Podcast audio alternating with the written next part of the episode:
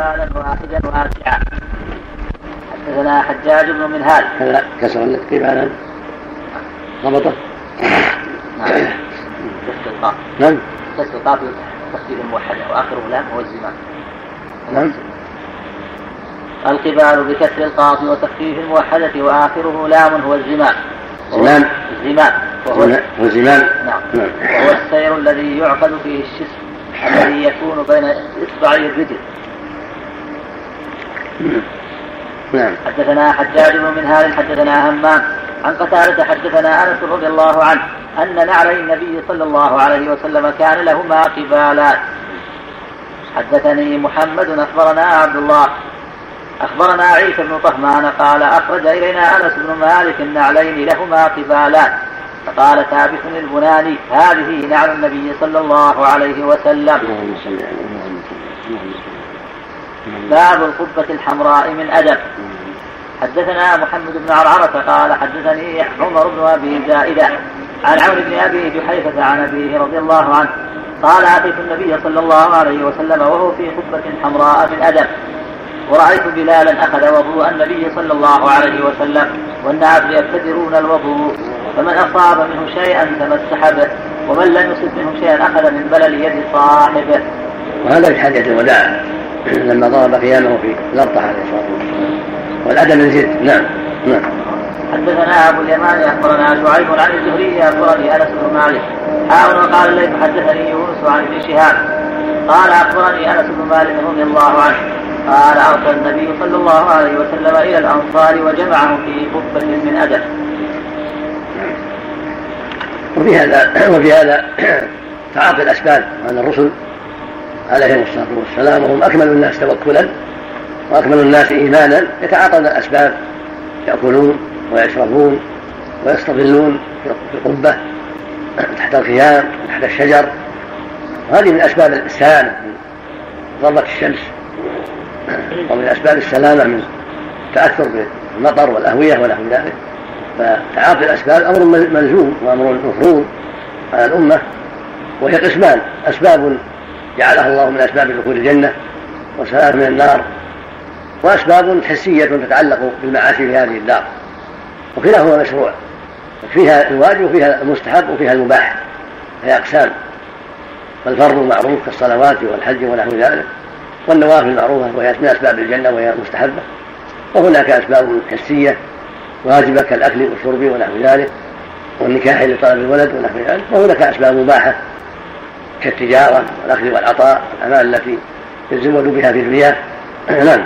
فالمقصود أن الله جل وعلا فطر العباد على تعاطي الأسباب وأوجب عليهم تعاطي الأسباب وعلى رأسهم الرسل عليهم الصلاة والسلام. فالذين يكرهون الأسباب من المتصوفة وبعضهم الزاهدة قد خالفوا الشرع وخالفوا العقل وخالفوا ما فطر الله على العباد. نعم. نعم.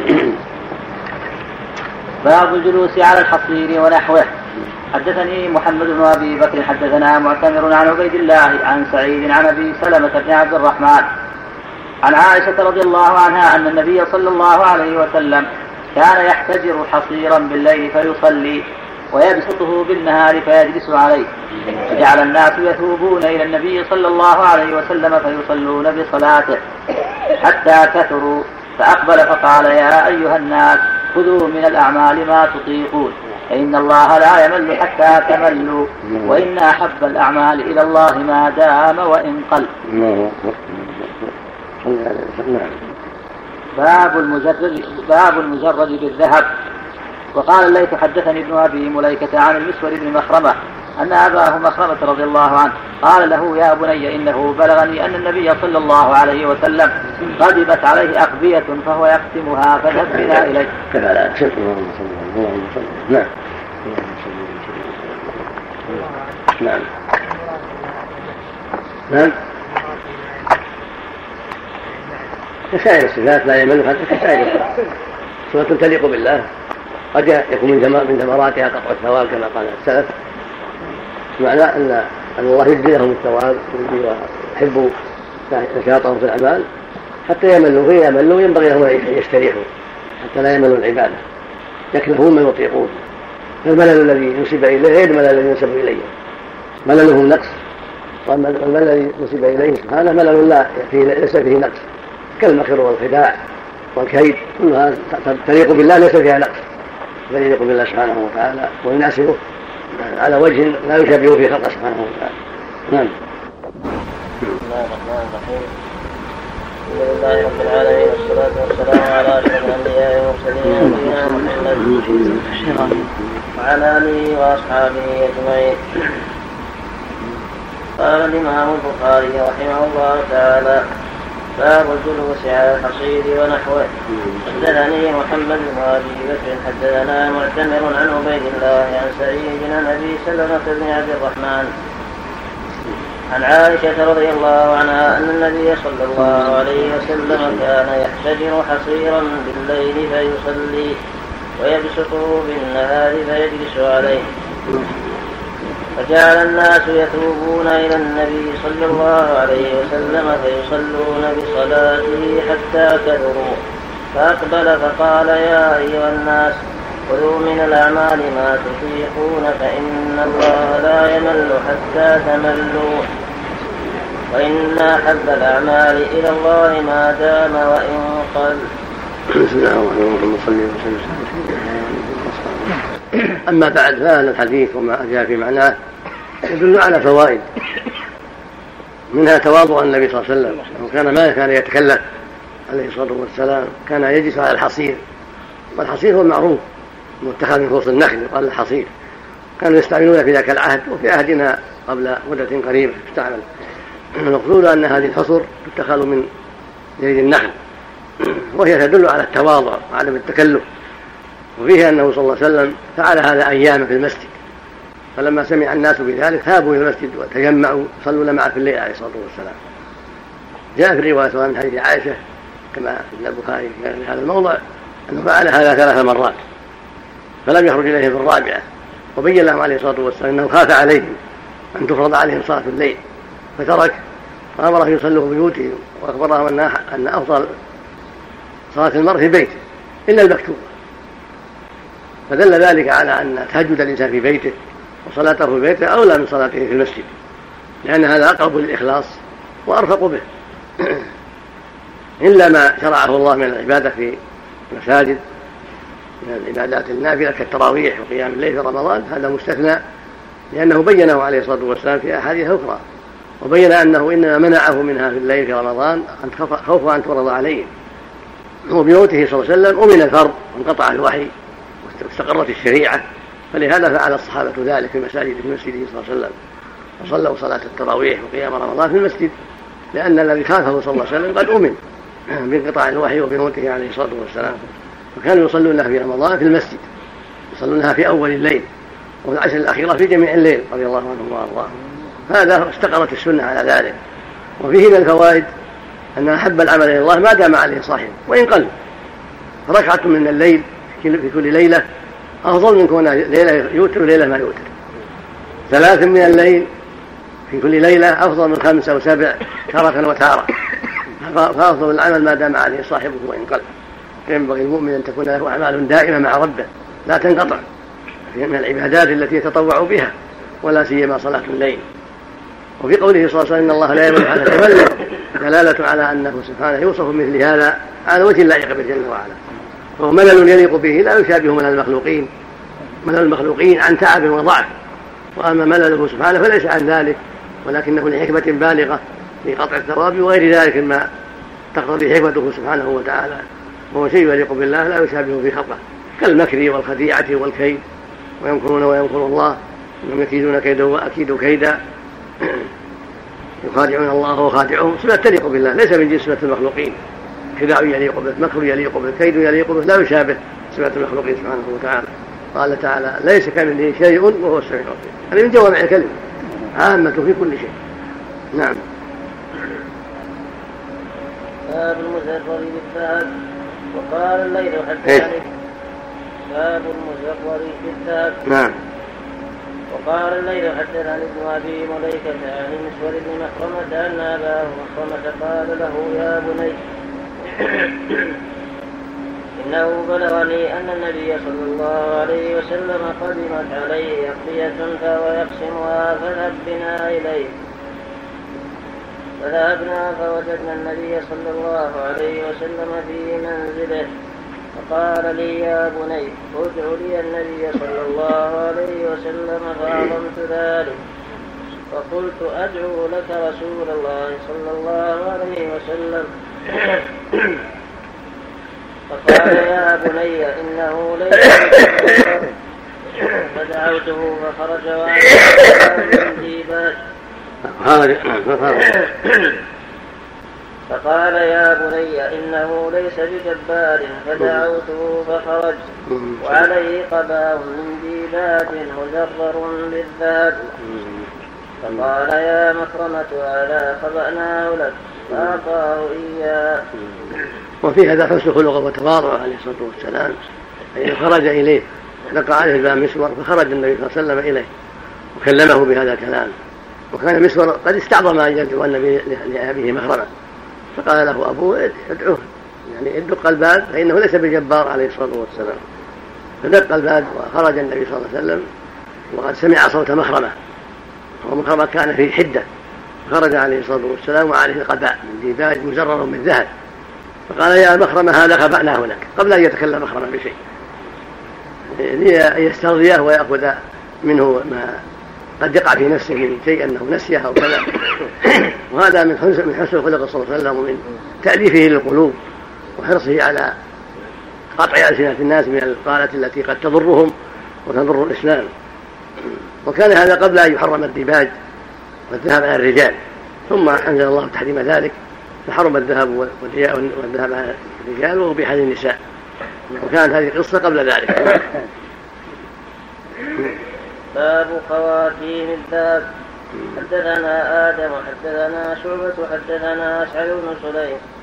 قال سمعت معاوية بن سويد بن مقرن قال سمعت البراء بن عازب رضي الله عنهما يقول نهانا النبي صلى الله عليه وسلم عن سبع نهى عن خاتم الذهب أو قال حلقة الذهب وعن الحرير والاستبرق والديباج والمينرة الحمراء والقسي آنية الفضة وأمرنا بسبع بعيادة المريض واتباع الجنائز وتشميت العاطس ورد السلام وإجابة الداعي.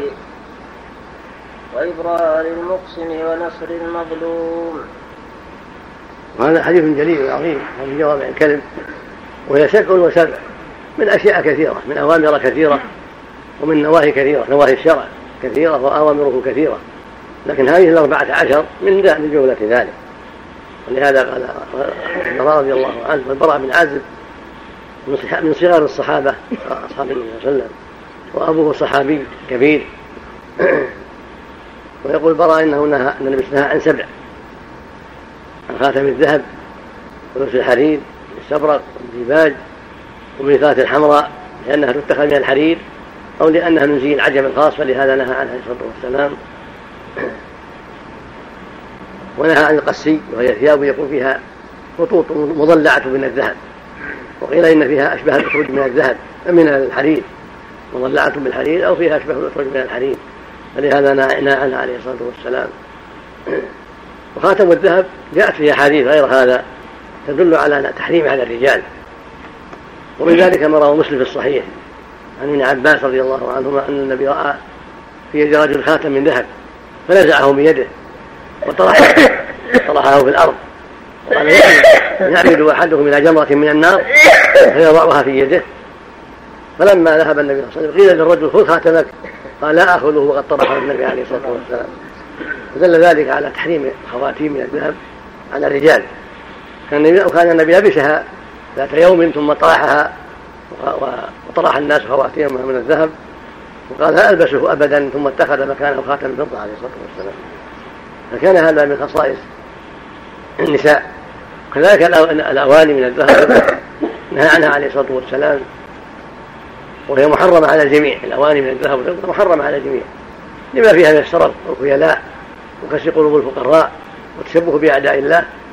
فلهذا قال في حديث حذيفة رضي الله عنه لا تشربوا في هذه الذهب والفضة ولا تأكلوا في صحافها فإنها لهم في الدنيا إن كفرة ولكم في الآخرة. قال في حديث أم سلمة الذي يشرب في إناء الذهب والفضة إنما يجرد في بطن نار جهنم. خرجه مسلم في الصحيح.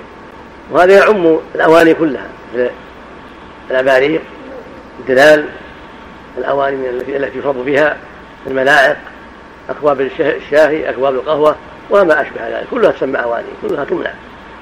والملاعق من جملة الأواني يعني يشرب بها. نعم. كذلك أمر بسبع. وهي من من مكارم الأخلاق أمر بعيادة المرضى. لا شك أن العيادة لها شأن عظيم في نفس المريض. وفي التأثير عليه ونشاطه وقوته وتأثره بمجيء إخوانه ومحبته لذلك. وربما يحتاج إليه في أمور ما يستطيعها وهو مريض كإحضار طبيب أو إحضار دواء أو شراء حاجة لبيته أو قرض من أخيه في حاجة بيته أو ما أشبه ذلك. فيأتي المرضى فيها مصالح كثيرة. هكذا اتباع الجنائز في جبر لأهل الميت ومواساة لهم وتعزية لهم. وفي تذكر للموت وتذكر للآخرة وسيلة إلى الإعداد للآخرة هكذا تشميت العاطس إذا حمد الله نصر المظلوم إبراء القسم إجابة الدعوة إفشاء السلام كل هذه سبب من مصالح المسلمين ومن مكارم الأخلاق. نعم.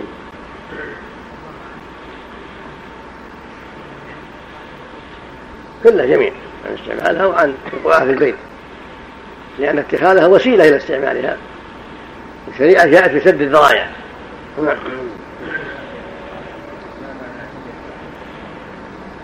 الظاهر على ظاهره. يعني هذا اللي يسقط في بطنه وينزل شيئا بعد شيء وفي الحقيقة يتلذذ به هو نار يوم القيامة. نعم. نعم.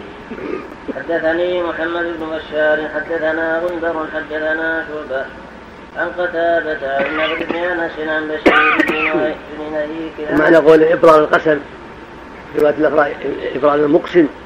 يعني أن المؤمن مأمور بإبرار قسم أخيه. قال والله لتنزلن تشربها القهوة تنزل عندنا قليلا تأكل غداء تأكل عشاء يكلمك في كذا. يبر قسم أخيه إذا حلف عليه إذا استطاع. أما إذا شق عليه ذلك فاتقوا الله ما استطعتم لكن إذا استطاع مشروع له يبر قسم أخيه. قد تعرض حاجة لاخيك فيقول والله لا والله لا والله لا تأكلن هذا الشيء والله لا تنزل إلى كذا وكذا. والله لا لا تقفن حتى أكلمك. فتبر قسم لأن قد يكون لحاجة تفوت وأنت لا تدري. نعم. لكن ما ينبغي ان يقف نعم. يعني فيه فيه نظر مشهور عند أهل العلم السنة مؤكده قد يقال بالوجوب لانها أمر من النبي صلى الله عليه وسلم. إذا كان بشرط الاستطاعة. حدثني محمد بن بشار حدثنا غندر حدثنا شعبة. عن قتادة عن النضر بن انس عن بشير بن نهيك عن أبي هريرة رضي الله عنه. حدثنا حدثنا. حدثني محمد بن بشار حدثنا غندر حدثنا شعبة عن قتادة عن نضر عن بشير بن نهيك عن أبي هريرة رضي الله عنه. هذا من أطول أسانيد البخاري سبعة. قد يقع أكثر من ذلك. نعم نعم. عن النبي صلى الله عليه وسلم أنه نهى عن خاتم الذات. وقال عمرو اخبرنا شعبة عن قتادة سمع النذر سمع بشيرا مثله. نعم نعم. حدثنا مسدد حدثنا يحيى عن عبيد الله قال حدثني نافع عن عبد الله رضي الله عنه أن رسول الله صلى الله عليه وسلم اتخذ خاتما من ذهب وجعل فصه مما يلي كفه فاتخذه الناس رمى به واتخذ خاتما من ورق أو فضة. الورق هو الفضة أو شك من الراوي فقال ورق أو قال وهما واحد. نعم. نعم. باب خاتم الفضة. حدثنا موسى حدثنا أسامة حدثنا عبيد الله عن نافع عن ابن عمر رضي الله عنهما أن رسول الله صلى الله عليه وسلم اتخذ خاتما من ذهب أو فضة وجعل فصه مما يلي كفه ونقش فيه محمد رسول الله. اتخذ الناس مثله فلما رآهم قد اتخذوها رمى به. وقال لا ألبسه أبدا. ثم اتخذ خاتما من فضة. فاتخذ الناس خواتيم الفضة. قال ابن عمر رضي الله عنهما فلبس الخاتم بعد النبي صلى الله عليه وسلم أبو بكر ثم عمر ثم عثمان. حتى وقع من عثمان في بئر أليس. يعني استقرت السنة على إباحة خاتم الذهب. إن هذا لبسه الصحابة بعد وفاته عليه الصلاة والسلام. أما الذهب فنسخ نزعه وطرحه ونسخ جوازه. نعم. باب في بداية من ذهب أو شك من الراوي والصواب من ذهب. الصواب من ذهب. هذا المحفوظ اتخذه من ذهب ثم تركه عليه الصلاة والسلام. واتخذ خاتم الفضة نعم. باب حدثنا عبد الله بن مسلمة عن مالك عن عبد الله بن دينار. عن عبد وكان روى مسلم في الصحيح أنه ربما لبسه في اليمين وربما لبسه في اليسار عليه الصلاة والسلام. فيدل هذا على أن الأفضل يكون فصله من الداخل يكون فصله من الداخل.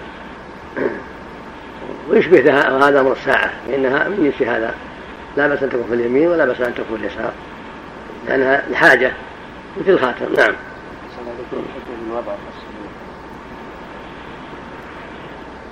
الله أعلم. ما تكلم عليه فتح.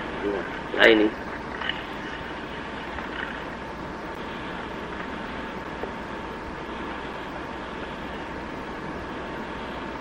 قد يكون والله أعلم من باب يعني الظن. قد يكون جعله من داخل لأن اسم الله فيه من الخارج محمد رسول الله. فيخشى أن يلطمه شيء أو يضربه شيء أو يقع عليه شيء من الخارج فيؤثر عليه. محتمل أن يكون هذا وهو من داخل أصلا. وأبعد عن خطر صدمة في جدار أو في كذا أو شيء شيء من السم وشيء محتمل هذا والله أعلم. العين ما تكلم. والحاهم نتكلم العين ما يخلي لا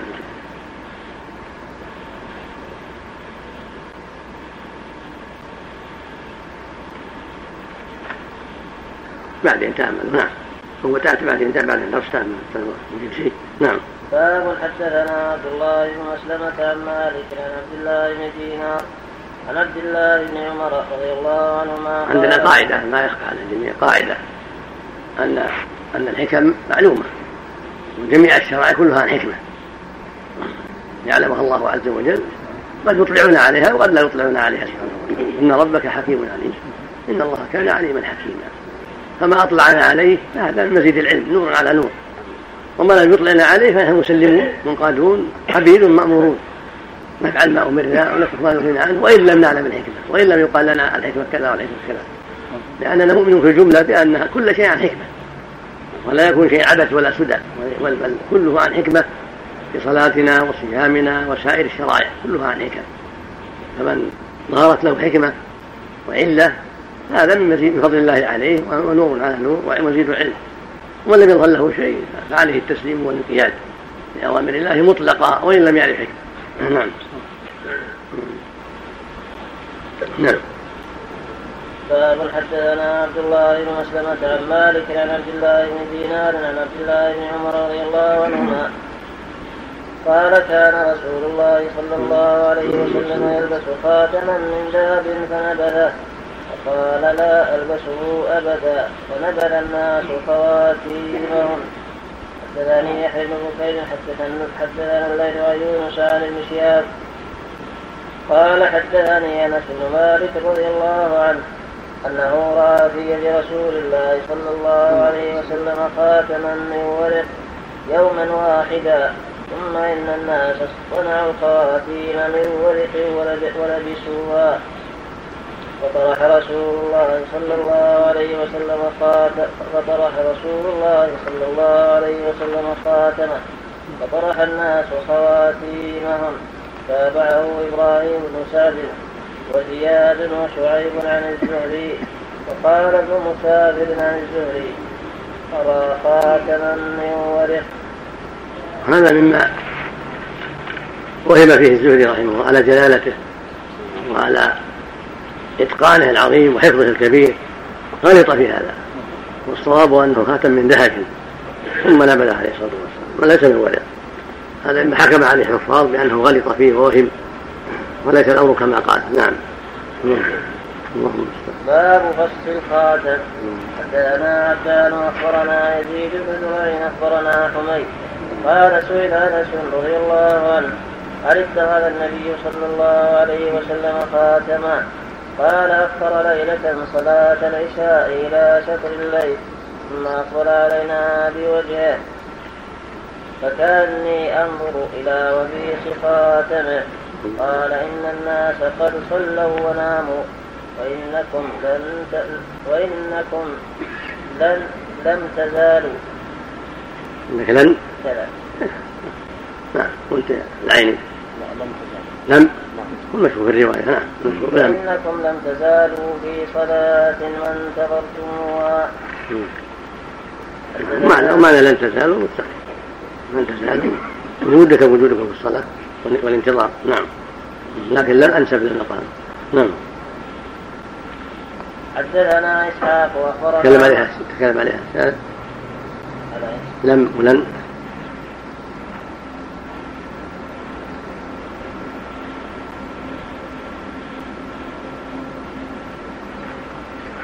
العين يتكلم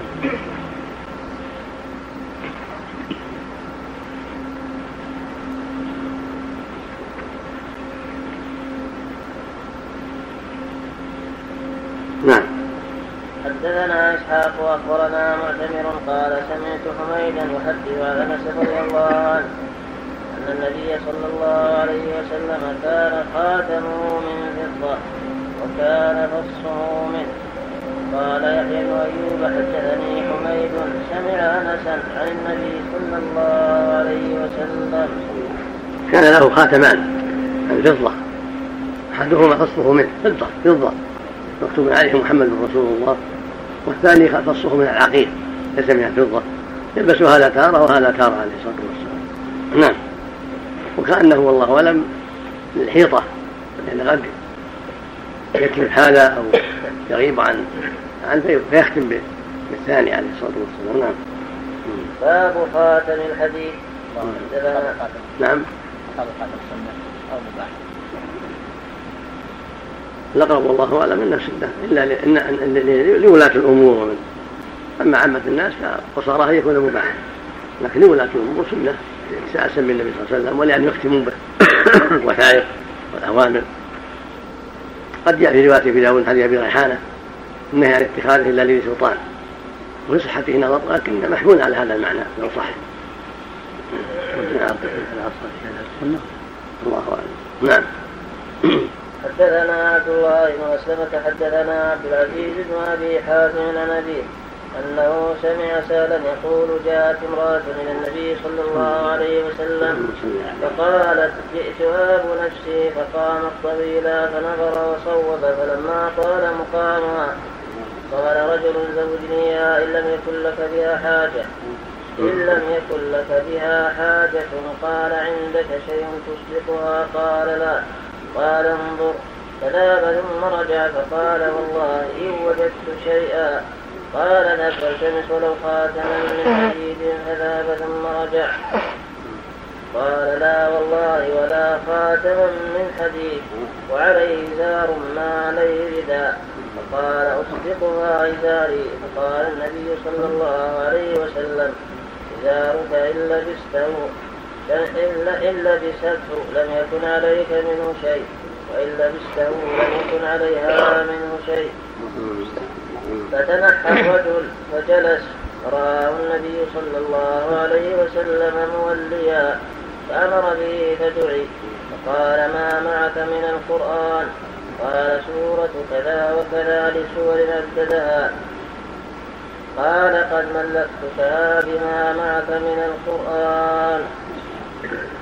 وهذا فيه فوائد منها ما أصاب أهل المدينة من الشدة والحاجة في عهده صلى الله عليه وسلم ولا سيما قبل فتح مكة من شدة المؤونة وقلة المال وصعوبة العيش هناك. وما تجمع في المدينة من الناس الكثيرين مع قلة المال وقلة الأسباب. وصبروا رضي الله عنهم وأرضاهم وجاهدوا في سبيل الله وصبروا على خشونة العيش وقلته حتى فتح الله ويسر هذا الرجل ما وجد شيئا يصدق المرأة به.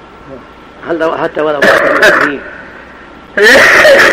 وفي سكوت الصحابة قيام أحد منهم يعطيه شيئا. حكمة. والله أعلم أنهم أرادوا بهذا أن ينظروا. ماذا يتم في أمره حتى يستفيدوا في مثل هذه الأمور. الله جل وعلا جعلهم يسكتون ولا يقومون إليه حتى تمت المسألة.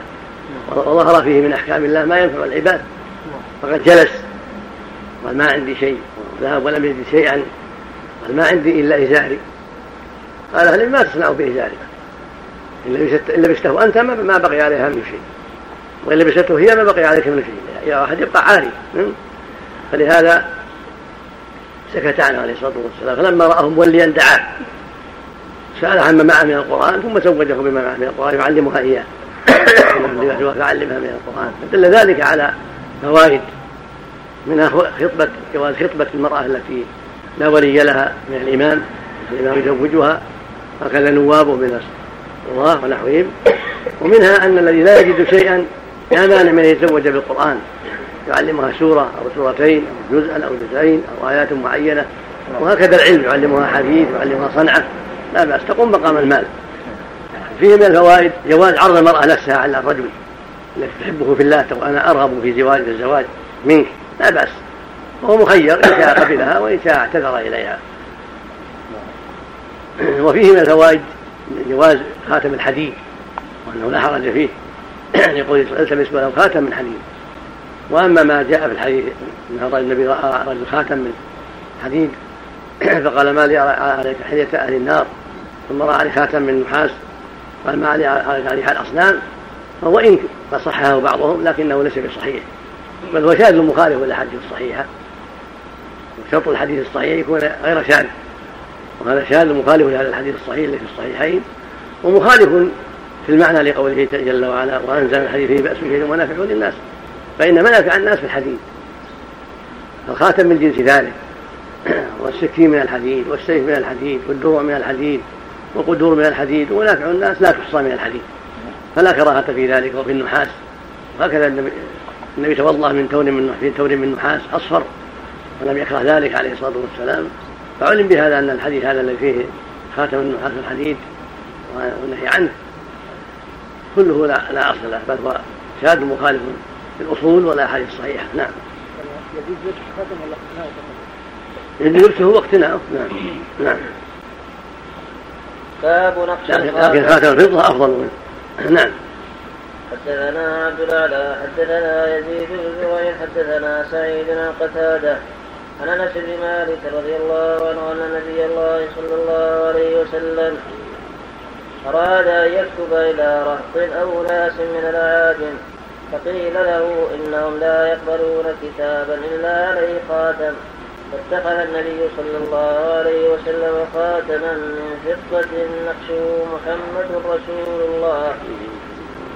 فكاني بوبيص أو بس أو ببصيص الخاتم في إصبع النبي صلى الله عليه وسلم أو في كفه الثاني محمد بن سلام أخبرنا عبد الله بن نمير عبيد الله عن نافع عن ابن عمر رضي الله عنهما قال اتخذ رسول الله صلى الله عليه وسلم خاتما من ورق وكان في يده. ثم كان بعد في يد أبي بكر رضي الله عنه. ثم كان بعد في يد عمر رضي الله عنه. ثم كان بعد في يد عثمان رضي الله عنه. حتى وقع بعد في بئر يريش نقشه محمد رسول الله. باب الخاتم في الخنصر. حدثنا أبو معمر حدثنا عبد الوارث حدثنا عبد العزيز بن صهيب عن أنس رضي الله عنه. قال صنع النبي صلى الله عليه وسلم خاتما قال إن اتخذنا خاتما ونقشنا فيه نقشا فلا ينقش عليه أحد. قال فإني لأرى بريقه في خنصره باب ادخار باب ادخار الخاتم ليختم به الشيء أو ليكتب به إلى الكتاب غيره. الكلام على الباب الأخير. قوله باب نقش الخاتم ذكر في حديث لا باب الخاتم الخنصر قوله باب الخاتم في الخنصر أي دون غيرها من الأصابع. وكأنه أشار إلى ما أخرجه مسلم وأبو داود والترمذي من طريق أبي بردة بن أبي موسى عن علي. قال نهاني رسول الله صلى الله عليه وسلم أن ألبس خاتمي في هذه وفي هذه. يعني السبابة والوسطى. وسيأتي بيان أي الخنصرين اليمنى واليسرى كان يلبس الخاتم فيه بعد باب قوله فلا ينقش عليه أحد. في رواية تسميني وحده ينقشا بالنون المؤكدة. وإنما لا أن ينقش أحد على نقشه. لأن فيه اسمه وصلته وإنما صنع في وإنما صنع في ذلك ليختم به. ويكون علامة تختص به وتتميز عن غيره. ولو جاز أن ينقش أحد نظير نقشه لفات المقصود.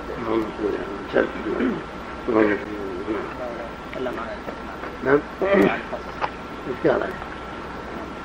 قال؟ ابن بطال ليس في كون الخاتم في بطن الكف ولا وحي أمر ولا نهي وقال غيره السر في ذلك قال غيره. وقال غيره إيه. السر في ذلك أن جعله في بطن الكف أبعد من أن يظن انه فعله للتزين به. التزين نعم. نعم. وقد أخرج أبو داود من حديث ابن عباس جعله في ظهر الكف كما سيذكره القريب بس. نعم. نعم. نعم.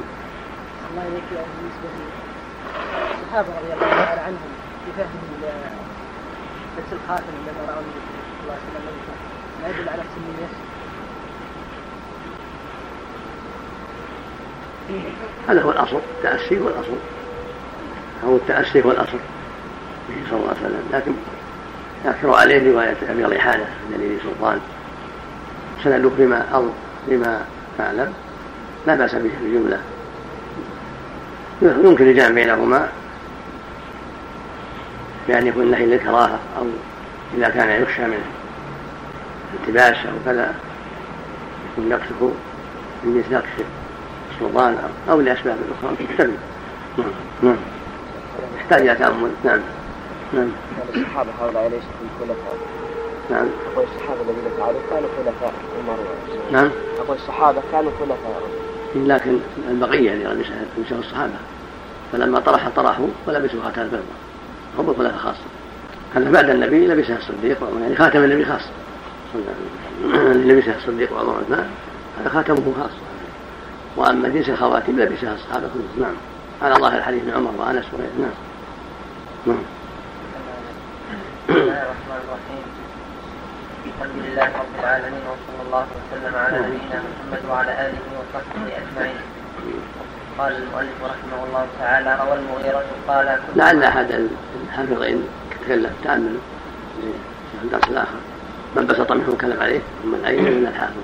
فيما يتعلق بلبس الغير يمكن أحدهما بسط الكلام فيه. نعم. نعم. إبن الجوزي في كتاب أحكام الخواتيم. تعرض إلى الكلام لعلك تجيب بحث لعلك تجيب بحث ان شاء الله والاخوان راوا شيء الحافظ والعيني ان رايتم شيء حول بسط البحث في سنديته وعلى سنديته. نعم. كلام على حديث أبي ريحانة. نعم. بسم الله الرحمن الرحيم. الحمد لله رب العالمين. والصلاة والسلام على نبينا محمد وعلى آله وصحبه أجمعين. قال الإمام أبو عبد الله البخاري رحمه الله تعالى باب اتخاذ الخاتم ليختم به الشيء أو, أو ليكتب به إلى أهل الكتاب وغيرهم. حدثنا آدم بن أبي إياس حدثنا شعبة عن قتادة عن أنس بن مالك رضي الله عنه. قال لما أراد النبي صلى الله عليه وسلم أن يكتب إلى الروم قيل له إنهم لن يقرأوا كتابك إذا لم يكن مختوما فاتخذ خاتما من فضة ونقشه ونقشه محمد رسول الله. فكأنما أنظر إلى بياضه في يده. بس. بس. نعم. باب من جعل فص الخاتم في بطن كفه. حدثنا موسى بن إسماعيل. حدثنا جويرية عن نافع أن عبد الله حدثه أن النبي صلى الله عليه وسلم صنع خاتما من ذهب وجعل فصه في بطن كفه إذا لبسه. فاصطنع الناس خواتيم من ذهب. فرقي المنبر فحمد الله وأثنى عليه فقال إني كنت اصطنعته وإني لا ألبسه فنبذه فنبذ الناس. قال جويرية ولا أحسبه إلا قال في يده اليمنى. باب قول النبي صلى الله عليه وسلم لا ينقش على نقش خاتمه. تقدم انه صلى الله عليه وسلم اتخذ خاتم من ذهب اتخذ الناس خواتيم من الذهب ثم نبذ ذلك وقال لا ألبسه ابدا. واستقر بذلك نسخ استعمال الذهب للرجال وأنه لا يجوز وأن ذلك من خصائص النساء ولهذا اصطنع بعد ذلك خاتم فضة ولبسه فكان يكتب به كتبه إلى الرؤساء والملوك عليه الصلاة والسلام. نعم. حدثنا مسدد حدثنا عن عبد العزيز بن صهيب عن أنس بن مالك رضي الله عنه أن رسول الله صلى الله عليه وسلم اتخذ خاتما من فضة ونقش فيه محمد رسول الله وقال إن وقال إن اتخذت خاتما من ورق ونقشت فيه محمد رسول الله فلا ينقشن أحد على نقشه. باب هل يجعل نقش الخاتم ثلاثة أسطر؟ حدثني محمد بن عبد الله الأنصاري قال حدثني أبي عن أمامة عن أنس أن أبا بكر رضي الله عنه لما استخلف كتب له وكان نقش الخاتم ثلاثة أسطر محمد صبر ورسول صبر والله صبر. قال أبو عبد الله وزادني أحمد. حدثنا الأنصاري قال حدثني أبي عن ثمامة عن أنس رضي الله عنه. قال كان خاتم النبي صلى الله عليه وسلم في يده وفي يد أبي بكر بعده وفي يد عمر بعد أبي بكر. فلما كان عثمان جلس على بئر أريس قال فأخرج الخاتم فجعل يعبث به فسقط. قال فاختلفنا ثلاثة أيام مع عثمان فننزح البئر فلم نجده.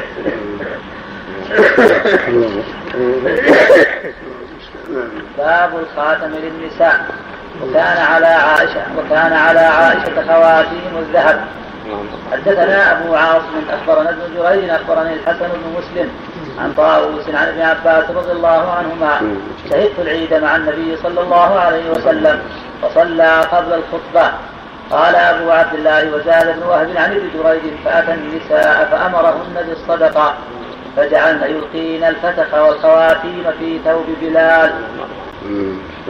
باب القلائد والسخاب للنساء يعني قلالة من طيب وسك. حدثنا محمد بن عرعرة حدثنا شعبة عن عدي بن ثابت عن سعيد بن جبير عن ابن عباس رضي الله عنهما قال خرج النبي صلى الله عليه وسلم يوم عيد فصلى ركعتين لم يصل قبل ولا بعد. ثم أتى النساء فأمرهن بالصدقة فجعلت المرأة تصدق بفرصها وسخابها وهذه الفوائد منها أن الصلاة تكون قبل الخطبة في العيدين يصلي ثم يخطب الناس. هكذا فعل عليه الصلاة والسلام وخلفاؤه رضي الله عنهم وأرضاهم. ومنها أن الإمام إذا لم يسمع النساء لبعدهن فإنه يأتيهن ويعظهن ويذكرهن لأنهن في حاجة. كما أن الرجال في حاجة فهن في حاجة إلى الوعظ والتذكير والبيان. ولهذا كان يعظهن بعد الرجال عليه الصلاة والسلام ويذكرهن ويحثهن على الصدقة والتوبة والإستغفار. ومن ذلك قوله لهن في خطبة في العيد تصدقنا وأكثرن من الاستغفار فإني رأيتكن أكثر أهل النار. قالت له امرأة يا رسول ولما قال لأن كنا تكثرن اللعنة وتكفرن العشير يعني الزوج. فأحسن إلى إحداكن الدهر ثم رأت منه شيئا قط ثم رأت منه شيئا قالت ما رأيت منك خيرا قط. ونسيت كل إحسان السابق. يعني هذا هو الغالب على طبيعتهن ولهذا وجب على الأئمة والدعاة وعلى العلماء أن يخصهن بشيء من التوجيه والإرشاد. وهكذا قوله صلى الله عليه وسلم لما قال له امرأة يا رسول الله ذهب الرجال بحديثك فاجعل لنا من وقتك يوما تحدثنا فيه. فقال نعم. فوعدهن وأتاهن وذكرهن وعلمهن وأجاب على اسئلتهن عليه الصلاة والسلام. فالمقصود أن الواجب أن يخص النساء بشيء. وقد يسر الله الآن هذه الآلات التي يسمعن فيها كل شيء. هذه من آيات الله عز وجل الاذاعه الأشرطة ومكبرات الصوت يسمعن وإن كن بعيدات. وفي هذا أيضا من الفوائد أن المرأة لها ان تصدق بدون إذن زوجها أو أبيها أو أخيها ولهذا جعلنا يلقين من الفتح الفتح والقلائد والأخراص وغيرها في ثوب بلال لما أمرهن بالصدقة. ولم يقل لهم عليه الصلاه لهن عليه الصلاة والسلام استأذن أزواجكم واستأذن آباءكم. فدل ذلك على أن المرأة الرشيدة تصدق وتحسن من مالها وإن لم تستأذن زوجا أو أبا أو أخا أو غير ذلك.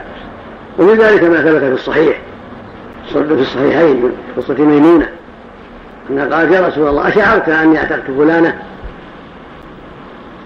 جارية لها قال أما إنك لو أعطيتها أخوالك لكان أعظم لأجرك هذا يدل على أنها أعتقتها ولم تستأذنه وإنما أخبرته بعد ذلك فقال لا لو أعطيتها أخوالك لكان أعظم لأجرك فدل ذلك على أن صلة الرحم أفضل من العتق تحسن إلى أقاربها بالعبد أو بالأمة أو تبيع العبد أو الأمة وتوزع كما على أقاربها المحاويج يكون ذلك أفضل.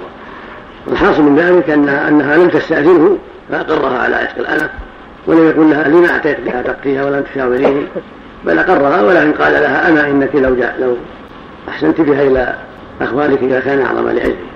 اللهم صل عليه وسلم باب استعارة القلائد. ومن هذا يعرف الحديث ما رواه ابو كان بها جدة. النبي صلى الله عليه وسلم قال لا تحل امرأة عطية إلا بإذن زوجها. أو لأنها تصرف في مالها إلا بإذن زوجها. من حديث شاذ. يخالف الأحاديث الصحيحة.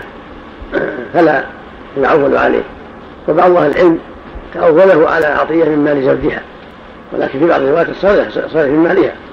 فإن كان من مال زوجها فله واسع أما من مالها فلا. الحديث الصحيحة المستفيضة عن النبي صلى الله عليه وسلم دالة على أنه ليس عليها استئذان ولكن إذا فعلته من باب استطابة نفسه ومن باب المجاملة له هذا حسن ولكن لا يلزمها ذلك. نعم. هذا الحد يعني. نعم. الحد بعقل يعني. كلام طيب يعني من باب المشاورة نعم.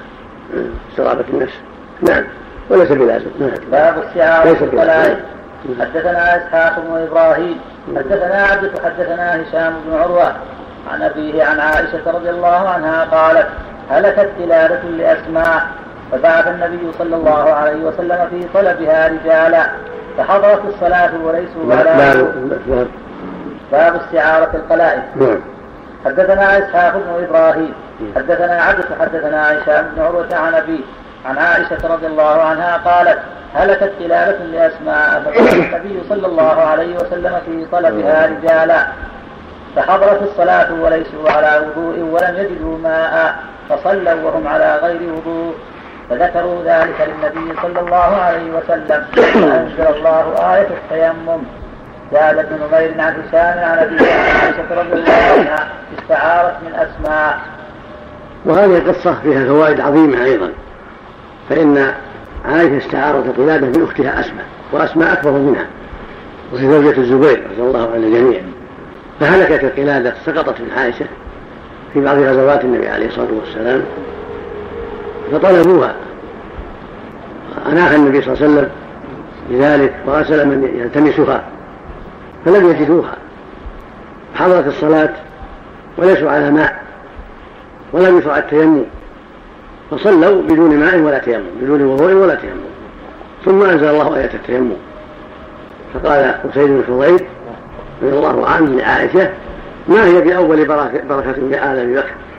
والله ما نزل بك شيء تكرهينه إلا جعل الله لك فيه فرجا وللمسلمين فيه سعة. أو كما قال رضي الله عنه وأرضاه. فدل ذلك على جواز العارية. لا بأس أن تستعير المرأة من أختها أو غيرها القلادة أو نحو القلادة من الحلي. وفيه أيضا من الفوائد أن ولي الأمر ينزل بالجيش ويلتبس ما يسقط على الرعية ولا يحتقر ذلك. هذه قضية صغيرة قلادة. ومع هذا مكث النبي صلى الله عليه وسلم استقر على في موضع ليس فيه ماء يلتمسونها ولم يقل هذه لا قيمة لها ولا نبالي بها بل جلس وأمر به يلتمس بها يلتمسها فدل ذلك على أن ينبغي ضاعة المال وأن لا بأس أن يؤمر الجيش بالجلوس أو بالنزول وقت ما لطلب حاجة بعض المسلمين ضاعت مطيته ضاعت فرسه سقط له شيء ينزلوا حتى يلتمسون ما ضاع لأخيهم من ناقة أو فرس أو متاع له أهمية حتى لا يضيع حق وفي هذا أيضا تواضع صلى الله عليه وسلم وحسن خلقه ورفقه بأمة ومراعاة حوائجهم عليه الصلاة والسلام. وفيه من الفوائد أيضا أنه لا يعلم أنه لا يعلم الغيب عليه الصلاة والسلام. لا هو ولا الصحابة جميعا. فالقلادة موجودة ولم يدروا وين هي وهي عندهم معهم موجودة. ومع هذا لم يدري عليه الصلاة والسلام أين القلادة. وأمر الناس يلتمسوها ومعه أفضل أفضل الناس. وخير الناس بعد الأنبياء وهم الصحابة رضي الله عنهم وأرضاهم. وهم أولياء الله.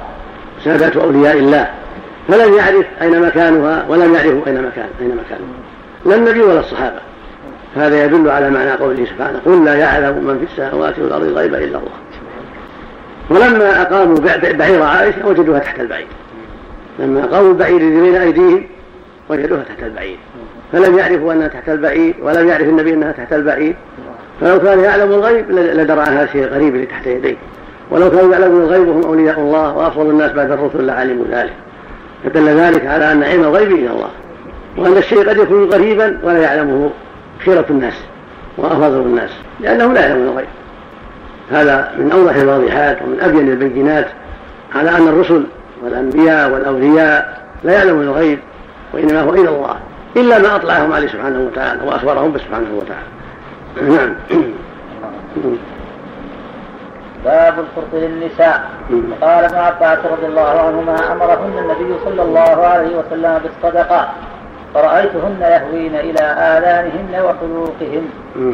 حدثنا حجاج بن منهال. حدثنا شعبة قال أخبرني علي قال سمعت سعيدا عن ابن عباس رضي الله عنهما أن النبي صلى الله عليه وسلم صلى يوم العيد ركعتين. لم يصل قبلهما ولا بعدهما ثم أتى النساء ومعه بلال فأمرهن بالصدقة فجعلت المرأة تلقي قرطها. باب السحاب للصبيان حدثني إسحاق بن إبراهيم الحنظلي. أخبرنا يحيى بن آدم.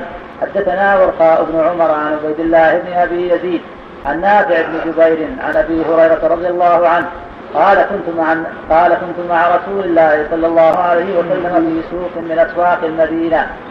فانصرف فانصرفت فقال أين لكع ثلاثا ادعوا الحسن بن علي. فقام الحسن بن علي رضي الله عنهما يمشي وفي عنقه السخاب فقال النبي صلى الله عليه وسلم بيده هكذا. فقال الحسن بيده هكذا فالتزمه فقال اللهم اني احبه فأحبه وأحب من يحبه. فقال أبو هريرة رضي الله عنه فما كان أحد أحب إلي من الحسن بن علي رضي الله عنهما بعدما قال رسول الله صلى الله عليه وسلم ما قال. تكلم عن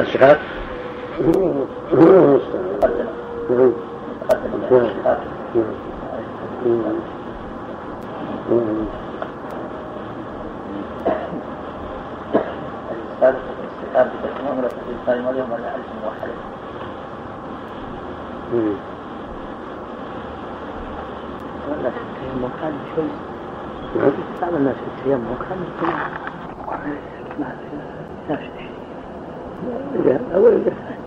نعم الشيخ كان شيء من قرنفل ونحوه في سيف لعل نعم. والصحاب بكسر السين المهملة وبالخاء المعجمة وبعدها الألف باء بعد الألف باء موحدة. وقال ابن الأثير الصخاب خيط ينظم فيه خرز وتلبسه الصبيان والجواري قيل هو قلادة تتخذ من قرنفل وقيل ومسك من قرنفل. وطيب ومسك ونحو ذلك. وليس فيها من اللؤلؤ والجواهر شيء. انتهى. الصبيان نعم. كان يسمى الصغار فيه. ونحوه المحروم توخير الوقت يعني. يقول توخير الوقت يعني. يقول مثلا ساعة نصف ساعة. والله ما بالتيمم إيش في التيمم؟ شلون؟ يوخر يعني الوقت. ما حصل. ما ما في بس. يأخر ما في بس. من صلى في أول وقت التيمم فلا هذا أمر واسع نعم. أحسن الله إليك بعض الناس الآن يقول بعض الناس الآن يتخذون مصاصات الأطفال من فضة أو من ذهب نعم. للذكور. الذكور ما يصلح. أما النساء لا بأس. نعم. باب المتشبهون بالنساء والمتشبهات بالرجال. حدثنا محمد بن بشار. حدثنا محمد بن جعفر. حدثنا شعبة عن قتادة عن عن عكرمة عن ابن عباس رضي الله عنهما قال لعن رسول الله صلى الله عليه وسلم المتشبهين من الرجال بالنساء والمتشبهات من النساء بالرجال. تابعه عمرو اخبرنا شعبة. باب إخراج المتشبهين بالنساء من البيوت. حدثنا معاذ بن فضالة. حدثنا هشام عن يحيى عن كلمة عن ابن عباس رضي الله عنهما. قال لعن النبي صلى الله عليه وسلم المخنثين من الرجال والمترجلات من النساء. وقال أخرجوهم من بيوتكم. قال فأخرج النبي صلى الله عليه وسلم فلانا وأخرج عمر فلانا. والمخنثين يعني المتشبهين المخنث من التخنث والتكسر واللي يتشبه بالمرأة في مشيته وفي كلامه وفي حركاته. فقال المخنث لتشبهه بالنساء. والمترجلات من النساء متشبهة بالرجال. وهذا يدل على من الكبائر لعن الرسول صلى الله عليه وسلم. يدل على ان فيها الكبائر وأن التخنث من الرجل والتشبه بالنساء ولو في المشي ولو في الكلام أو في الملابس كله ممنوع. وهكذا المرأة. تشبه بالرجل في كلامها أو في ملابسها أو في حركاتها. كله نعم وإذا وجد المكنف في البيوت وجب إخراجه وهو الذي يتظاهر بأنه أنثى أنثى يعني ليس فيه حركة رجال. وقد يفعل ذلك بعض بعض الناس. يوهم أنه ليس فيه شيء من شهوة. فإذا عرف أنه يظهر منه شيء من الميل إلى النساء وجب إخراجه. نعم. حلق اللحى هل يكون تشبه بالنساء؟ نعم. حلق اللحى هل يكون بالتشبه نعم. حلق اللحى في نوع نوع في نوع. الحلق الكامل الحلق الكامل ليس تشبه المرأة لا لحية لها. أقول الحلق الكامل الذي يزيل الشعر كله تشبه بالنساء يعني تلحقه اللعنة مع أنه تشبه بالرجال أيضا. تشبه بالكفار. نسأل الله العافية. في تشبه بالكفار وفي تشبه بالنساء إذا استوفى حلقها يخشى عليه من اللعنة نسأل الله العافية. يخشى عليه نعم. مجاهد. نسأل الله العافية نسأل الله العافية نعم. حدثنا مالك بن إسماعيل حدثنا زهير حدثنا هشام بن عروة أن عروة أخبره أن زينب بنت أم سلمة اخبرت أن أم سلمة رضي الله عنها أخبرتها أن النبي صلى الله عليه وسلم كان عندها وفي البيت مخنث. فقال لعبد الله أخي أم سلمة يا عبد الله إن فتح الله عليكم غدا الطائف فإني أدلك على بنت غيلان فإنها تخبر بأربع وتدبر بثمان. فقال النبي صلى الله عليه وسلم لا يدخلن هؤلاء عليكم. قال أبو عبد الله تخبر بأربع وتدبر يعني أربع عكن بطنها فهي تخبر بهن. وقوله وتدبر بثمان يعني أطراف هذه العكن الأربع لأنها محيطة بالجنبين حتى لحقت. وإنما يعني أطرافها أربع من جانب من جانب وأربع من جانب. إذا أدبرت أدبرت بثمان وإذا أقبلت أقبلت بأربع. يعني سمنها وعظام بطنها. نعم. وإنما قال بثمان ولم يكن بثمانية. وواحد الأطراف وهو ذكر. لأنه لم يقل بثمانية أطراف. المقصود بثمانية عكر نعم. نعم. باب قص الشارب. اللهم صل نعم. على نعم. تكلم عن الخاتم في الحديث الأول. شارب قوله باب اتخاذ الخاتم سقط لفظ من رواية أبي ذر. قال الخطابي لم يكن لباس الخاتم من عادة العرب. فلما أراد النبي صلى الله عليه وسلم أن يكتب إلى الملوك اتخذ الخاتم وقد اتخذه من ذهب. ثم رجع عنه لما فيه من الزينة ولما يخشى من الفتنة. وجعل فصه من باطن كفه ليكون أبعد من التزين. قال الخطابي نعم. قال شيخنا في شرح الترمذي دعواه أن العرب لا تعرف الخاتم عجيبة فإنه عربي وكانت العرب تستعمله. انتهى. ويحتاج إلى شيخنا يعني العراق العراق نعم. ويحتاج إلى ثبوت لبسه عن العرب. وإلا فكونه عربيا واستعمالهم له في ختم الكتب لا يرد على عبارة الخطابي وقد قال الطحاوي بعد أن أخرج الحديث الذي أخرجه أحمد وأبو داود والنسائي عن أبي ريحانة. وقد قال الطحاوي بعد أن أخرج الحديث الذي أخرجه أحمد وأبو داود والنسائي عن أبي ريحانة. قال نهى رسول الله صلى الله عليه وسلم عن لبس الخاتم إلا لذي سلطان. ذهب قوم إلى كراهة لبس الخاتم إلا لذي سلطان. وخالفهم آخرون فأباحوا. ومن حجتهم حديث أنس المتقدم أن النبي صلى الله عليه وسلم لما ألقى خاتمه ألقى الناس خواتيمهم فإنه يدل على أنه كان يلبس الخاتم في العهد فإنه يدل على أنه كان يلبس الخاتم في العهد النبوي من ليس ذا سلطان. فإن قيل هو منسوخ قلنا الذي نسخ منه لبس خاتم الذهب. قلت أو لبس خاتم المنقوش عليه نقش خاتم النبي صلى الله عليه وسلم. كما تقدم تقريره.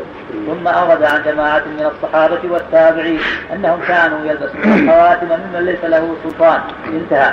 ولم يجب عن حديث أبي ريحانة والذي يظهر أن لبسه لغير ذي سلطان خلاف الأولى لأنه ضرب من التزين واللائق بالرجال خلافه وتكون الأدلة الدالة على الجواز هي الصارفة للنهي عن التحريم.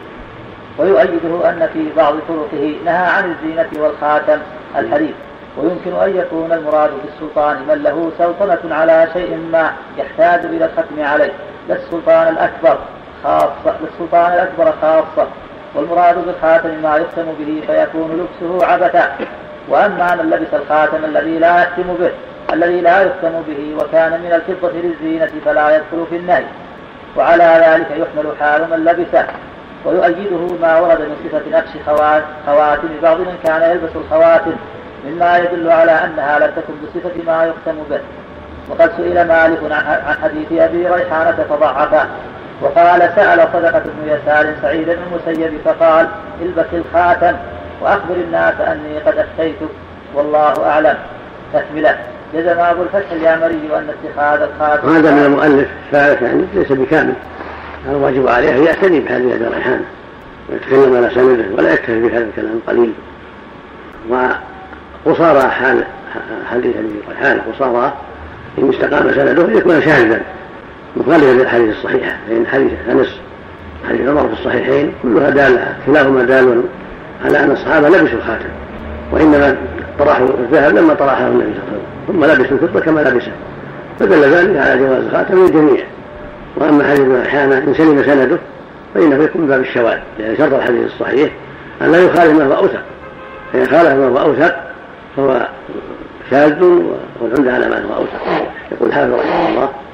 في النخبه فإن خولف بأرجح فالراجح المحفوظ ومقابله الشاذ وهكذا قال أئمة الحديث إذا خالف الراوي من هو أوثق منه في الحديث أو في السند صار المخالف هو المعتمد وهذا المخالف يعتبر شاذا. لا يعتبر. من شرط الحديث الصحيح. أن يسلم من الشذوذ والعلة؟ نعم.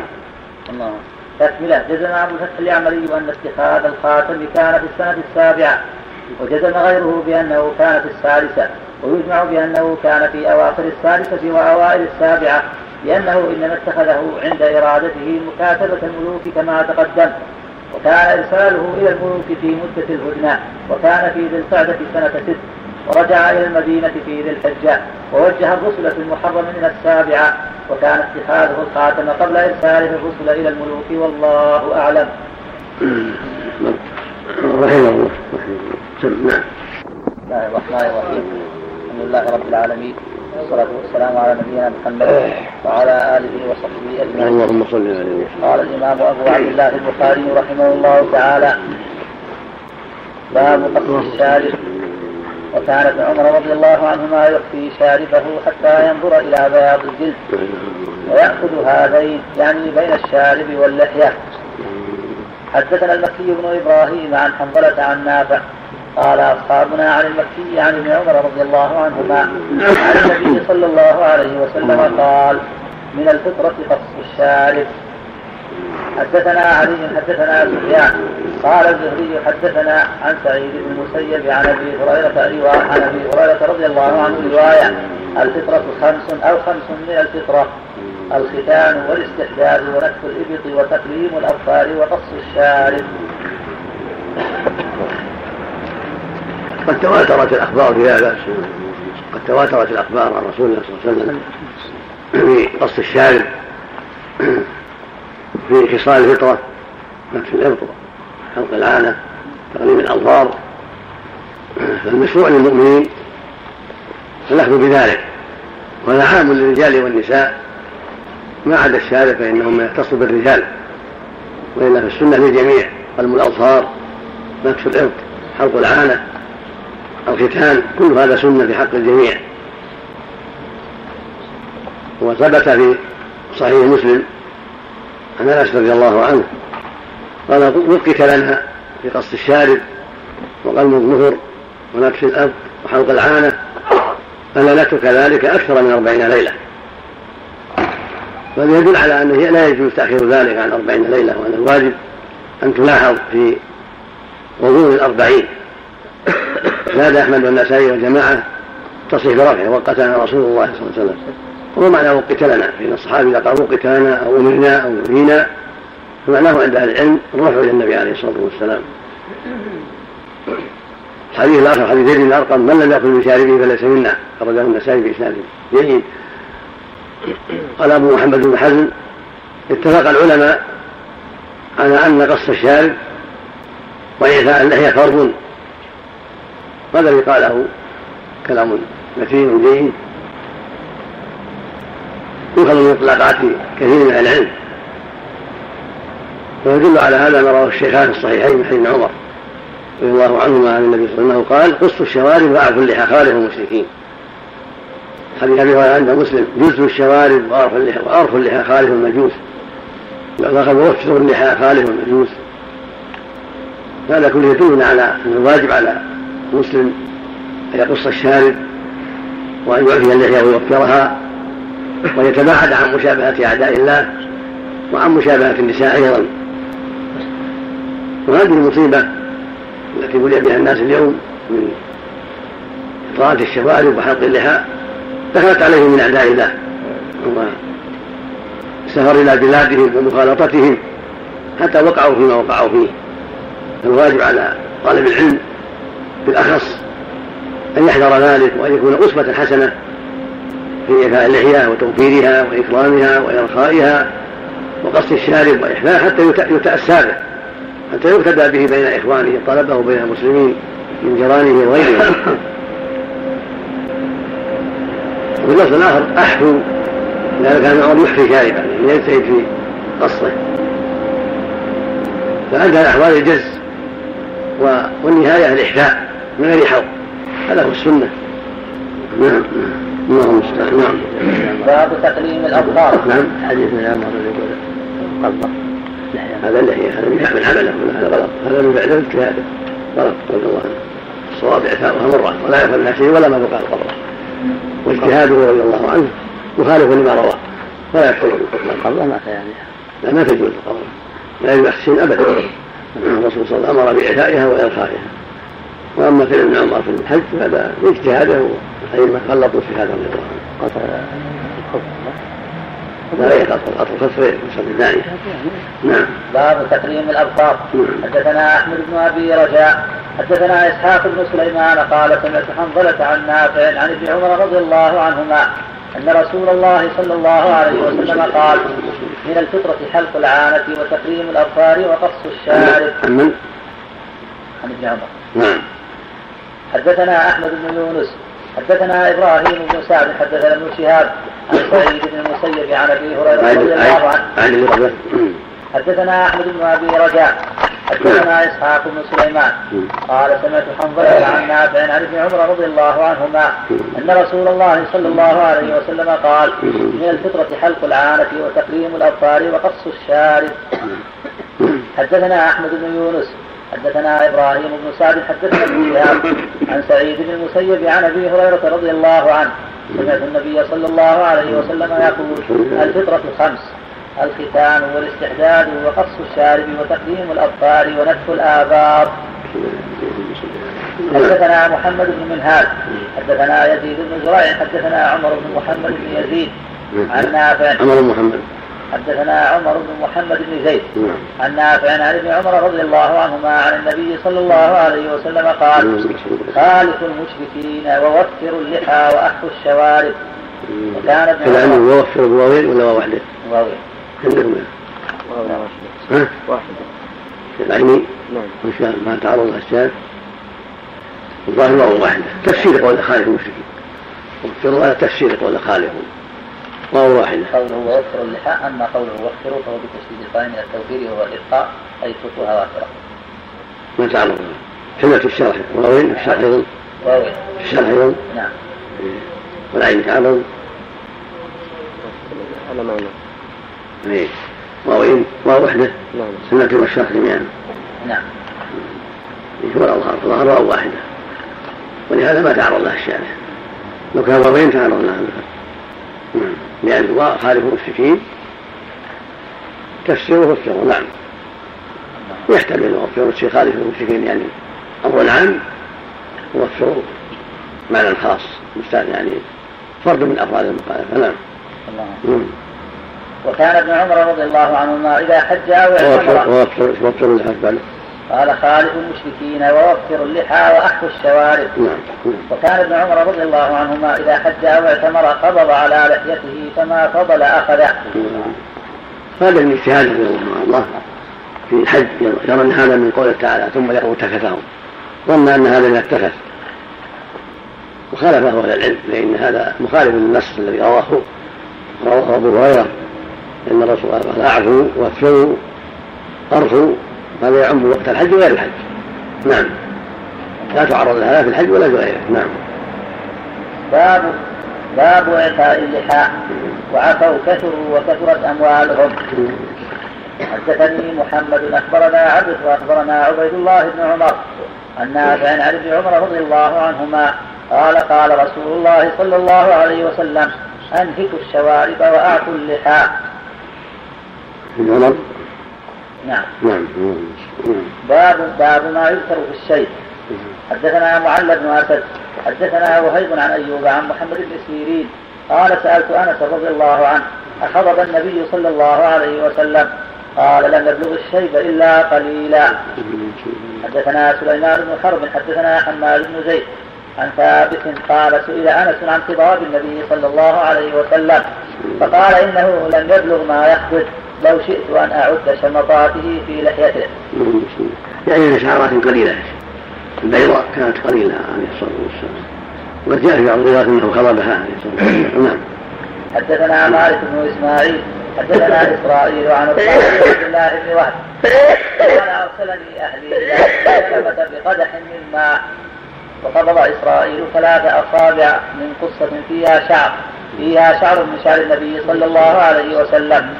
وكان إذا أصاب الإنسان عين أو شيء بعث إليها مخضبة بعث إليها مخضبة, مخضبة فاطلعت في الجزر فرأيت شعرات حمر فرأيت شعرات حمراء.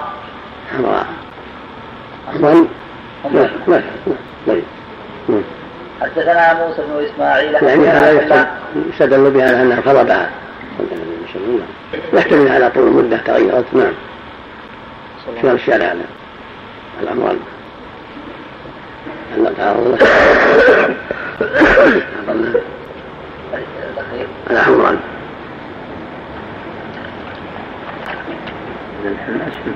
نعم. نعم. الأسود ما يجوز. نعم. قوله فرأيت شعرات حمرا الرواية التي تليها مخطوطا ويأتي البحث فيه. ماشي قوله مخطوطا ماشي. نعم. الأول أحسن عليك. عثمان بن عبد الله بن موفى موهب فتح لها. عندهم وحدة ها؟ عندهم وحدة عثمان بن عبد الله بن وهب وهب ولا موهب؟ وهب لا الموهب هو من موهب من مين؟ فتح لها نعم. موهب موهب نعم. موهب موهب فتح الميم ولا؟ نعم. حدثنا موسى بن إسماعيل حدثنا سلام عن عثمان عن عثمان بن عبد الله بن موهب شو التغليب؟ هل قال فيه. عثمان عنه السند الثاني موهب نعم. في ظهر غلط النار النساخ نعم. نعم.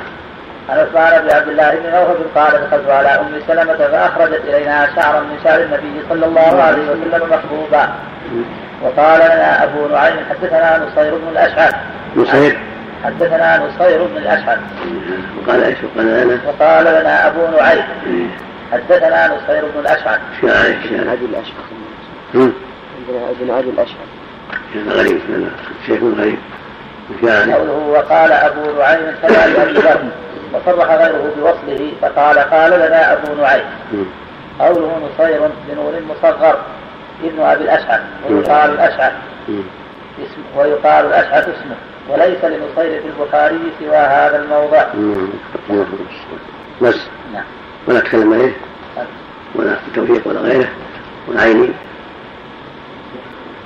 وش قال عن نصير قال أحسن وفي رواية أبي ذر وقال أبو نعيم وهو الفضل بن بكير يروي عن النصير بضم النون وفتح الصاد المهملة مصغر نصر بن أبي الأشعث بالسين المعجمة والعين المهملة والساء المثلثة القرادي بضم القاف وبالراء وبالدال المهملة وليس النصير في البخاري سوى هذا الموضع. وابن موهب هو عثمان بن عبد الله. نص كلاهما كلاهما لم يتعرض له نعم. كان عثمان بن عبد الله بن موهب. التيمي مولاه المدني. الأعرج وقد ينسب إلى جده. ثقة من الرابعة مات سنة ستين إيش؟ وينسب إلى جده بعد ثقة من الرابعة. إيه مات سنة ستين. البخاري ومسلم والترمذي والنسائي بن ماجه. ما تعرض له المشهور يعني. شوف شوف نصير بن الاشعث هذا. نصير بالتصغير. ابن أبي الأشعث. الأسدي أبو الوليد الكوفي. ثقة من السابعة البخاري. البخاري. ونحسن لو يعلق عنه قال حافظ التقريب ثقة من السابعة من السابعة من السابعة نعم تقول لو يعلق عنه نعم. نعم. نصير. لا ابن أبي الأشعث. ابن أبي الأشعث. من سبق القرادي نعم شيخ القرادي ولا من سبق؟ الأسدي. الأسدي بس؟ نعم. ابن الأشعث هنا ابن أبي الأشعث. ما في بأس في قول عنه. نعم. ثقة. ثقة من السابع قال الحافظ التقييم ثقة من السابع سعيد بن الأشعث الأسدي ثقة من السابع كذا في التقييم ورزله في البخاري. ورمز له بعلامة البخاري. نعم. غفر الله لنا وله نعم.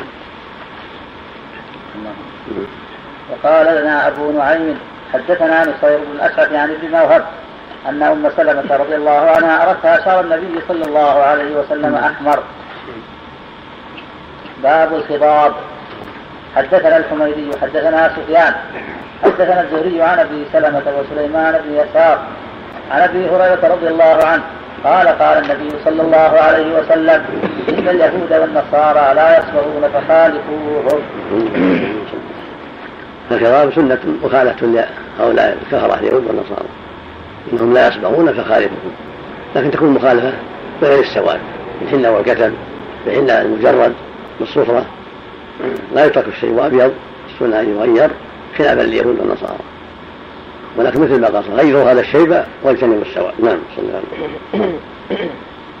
السنة نعم. والسنة. خضار خطاب. سنة مؤكدة لا شك نعم سنة مؤكدة. لأن الأوامر لأن الأوامر ولو بالوجوب لكان له وجه لكن صرفه عن الوجوب ما ثبت عنه صلى الله عليه وسلم انه رؤيا في أوقات كثيرة والشعرات به لم تغير. وهكذا ما روي عن جماعة من الصحابة. ربما تركوا الشيء. ولا شك إنه له مؤونة قد يغفل عن الإنسان وقد يتساهل فيه في بعض المساء بعض الأوقات في المشاغل التي قد تعرض. فالأظهر والاقرب أنه سنة مؤكده نعم. نعم. الحرب مثلا نعم. عند الحرب أبو ما بعض أهل يقول إن غيرهن لكن ما عليه دليل واضح. قالوا في السواد في الحرب قالوا في الخيلاء في الحرب لكن يحتاج. أما الخيلاء فقد جاء النبي صلى الله عليه وسلم قال إنها مشية يبغضها الله إلا في مثل هذا الوقت. عند عند لقاء الصفين الحناء الأسود أحسن نعم. الحناء الأسود. كل شيء يكون سواد خالص ما يصلح. لأن ثبت عن النبي صلى الله عليه وسلم وجوه كثيرة النهي عن تغيير بالسواد حديث جابر حديث أنس وأحاديث أخرى. كلها دلت على تحريم التغيير بالسواد من حديث ابن عباس الذي عند أبي النسائي يكون في اخر الزمان قول يخدم بالسواد حواصل الحياة ولا يريح رائحه الجنة. رواه أحمد وأبو داود النسائي بسند جيد عن ابن عباس. وصنف بعض إخواننا الآن. صيح بهلال زلفي ودرس جمع الاحاديث الوارده في هذا في جزء. لا بأس به. عرضه عليه. جيد. سيقرا قريبا. نعم. جمع الاحاديث الوارده في هذا كله. نعم. حسن. طاقته نعم. نعم. القول بأن النبي صلى الله عليه وسلم شعرة قليلة. مع هذا صبغها عليه الصلاة والسلام. نعم. لبيان السنة. صبغها الصديق وعمر وعثمان وبعده علي كلهم نعم رضي الله عنهم. نعم. معه خفيفة نعم. حضر معه قليل بس بس الشعر قليل البياض قليل. لأن مات سنة 63 عمره 63 ما بعد. كثر في الشيء عليه الصلاة والسلام يقول أنس لو شئت أعددتها وهو يهمني كثيرا نعم. كثيفة الكثافة غير غير البياض. الكثافة كثرة الشعر. والبياض عدة البياض الشعرات البيض يعني. الشعرات البيض هي قليل هي كثيرة كان مات لحيته سوداء عليه الصلاة والسلام. ما فيها إلا شعرات قليلة. نعم. من البيض. نعم. باب الجعد. حدثنا إسماعيل. قال حدثنا مالك بن أنس عن ربيعة بن أبي عبد الرحمن. عن أنس بن مالك رضي الله عنه. أنه سمعه يقول كان رسول الله صلى الله عليه وسلم ليس بالطويل البائن ولا بالقصير وليس بالأبيض الامهق وليس بالآدم وليس بالجعد القبط ولا بالصبر بعثه الله على رأس أربعين سنة فأقام بمكة عشر سنين وبالمدينة عشر سنين وتوفاه الله على رأس ستين سنة وليس في رأسه ولحيته عشرون شعره بيضاء. الجعد عن من؟ عن الجعد عن من؟ عن عن أنس بن مالك. نعم. ولا عشر سنين مكة عشر يعني بحصر بحصر كسر بعدما حمي الوحي. وإلا فهي ثلاثة عشر نعم. حدثنا مالك وإسماعيل حدثنا إسرائيل عن أبي إسحاق قال سمعت البراء رضي الله عنه يقول ما رأيت أحدا أحسن في حلة حمراء من النبي صلى الله عليه وسلم. قال قال بعض أصحابي عن مالك إن جمته لتضرب قريبا من منكبيه. قال أبو إسحاق سمعته يحدثه غير مرة. ما حدث به قط إلا ضحك. تابعه شعبة. شعره يبلغ شحمة أذنيه. هذا يختلف. قبل حجة الوداع كان طويلا إلى منكبه. فلما حلق في حجة الوداع توفي وهو قصير. شعر قليل يعني ما عاش بعد حجة الوداع إلا حول ثلاثة أشهر فقط ثم توفي في الثاني عشر من ربيع الأول. بعد بعد رجوعه من حجة الوداع بشهرين و28 يوما. فالشعر في هذا لا يطول كثيرا. نعم. اللهم صل على نعم. حدثنا عبد الله بن يوسف. أخبرنا مالك على الأحمر. نعم. كذلك مثل ما تقدم الحديث بحيث لكن الغالب انه يكون من بلوغ اليمن. فيها خطوط. حدثنا عبد الله بن يوسف أخبرنا مالك عن نافع عن عبد الله بن عمر رضي الله عنهما أن رسول الله صلى الله عليه وسلم قال قران الليلة عند الكعبة فرأيت رجلا آدم كأحسن ما أنت رائم من من أذن الرجال. له لمة كأحسن ما أنت رائم من اللمم قد رجلها فهي تقطر ماء متكئا على رجلين أو على عواتق رجلين يطوف بالبيت. فسألت من هذا؟ فقيل المسيح ابن مريم. وإذا أنا برجل جعد قطص أعور العين اليمنى كأنها كأنها عنبة طاغية. وسألت من هذا؟ فقيل المسيح الدجال. يعني أريه ما رؤية منام ورؤيا الأنبياء وحي. فعيسى عليه الصلاة والسلام معروف فيه كما في رواية أخرى أنه أحمر. ليس بآدم. فلا يوهم بعض الروايات الرواة أما المسيح الدجال فهو آدم. يعني يغلب عليه السواد.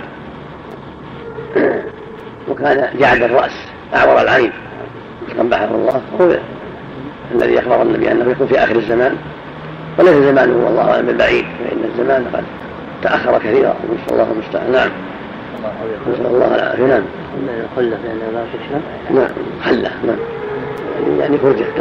نعم. نعم. هذه الرؤيا في دخول مكة. وما يلزم. هذا ما يلزم. هنا ما صرح بدخول مكة ظاهره في الطواف ولكن ثبت عن النبي صلى الله عليه وسلم انه لا يدخل مكه ولا المدينة. لو يخرج عن اسمع الله المستعان نعم. حدثنا اسحاق واخبرنا حبان حدثنا همام حدثنا قتاده حدثنا انس رضي الله عنه ان النبي صلى الله عليه وسلم كان يضرب شعر منكبيه. إيش قال الشارع الحديث هذا؟ تكلم عليه ولا ياتي؟ ويا من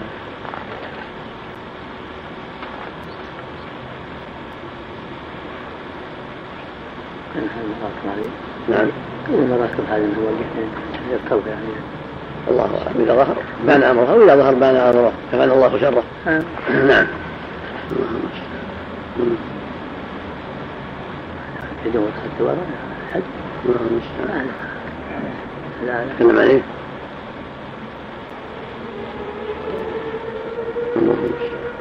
تكلم عليه العيني نعم العيني تكلم ولا تكلم وغلط من وغلط من استدل بهذا الحديث على أن الدجال يدخل المدينة أو مكة. إذ لا يلزم من كون النبي صلى الله عليه وسلم رآه في المنام بمكة أنه دخلها حقيقة. ولو سلم أنه أنه رأى في زمانه صلى الله عليه وسلم بمكة فلا يلزم أن يدخلها بعد ذلك إذا خرج في آخر الزمان. وقد استدل على ابن صياد أنه ما هو الدجال بكونه سكن المدينة. ومع ذلك فكان عمر وجابر يحلفان على أنه هو الدجال كما سيأتي في آخر الفتن. المقصود من هذا أنه لا يدخلها حين حين خروجه الذي فيه وعد أو حين خروجه المتأخر. المفروض يدخلها قبل ذلك لا مانع ولهذا قيل في الصياد إنه هو الدجال ومع هذا قال في المدينة أو حج والله أعلم سبحانه وتعالى بحاله نعم نعم. قال وأجيب بانه لا يدخل على سبيل الغلبة وعند ظهور شوكته وزمان خروجه. أو المراد أنه لا يدخله بعد هذه الرؤيا مع أنه ليس في الحديث التصريح بأنه رآه بمكة. فهمت؟ بس نعم. هذا قال على آدم. قوله آدم في في مسيح كان كأحسن ما أنت راعي من أمة جهنم تكلم عن عنده من رواية مشهورة أنه أحمر عليه الصلاة عليه الصلاة والسلام. نعم. تقدم متقدم؟ نعم متقدم في حديث الأنبياء. بس. يكفي نعم. حدثنا موسى بن إسماعيل حدثنا همام عن قتادة عن أنس رضي الله عنه كان يضرب شعر رأس النبي صلى الله عليه وسلم منكبيه حدثني عن علي حدثنا وهب قال حدثني أبي عن قتادة قال سألت أنس بن مالك رضي الله عنه عن شعر رسول الله صلى الله عليه وسلم. فقال كان شعر رسول الله صلى الله عليه وسلم رجلا ليس بالسبط ولا الجعد بين أذنيه وعاتقه. حدثنا مسلم حدثنا جرير عن قتادة عن أنس رضي الله عنه. قال كان النبي صلى الله عليه وسلم ضخم اليدين لم أر بعده مثله. وكان شعر النبي صلى الله عليه وسلم رجلا لا جعدا ولا سبطا حدثنا أبو النعمان حدثنا جرير بن حازم عن قتادة عن أنس رضي الله عنه قال كان النبي صلى الله عليه وسلم ضخم اليدين والقدمين حسن الوجه لم أر بعده ولا قبله.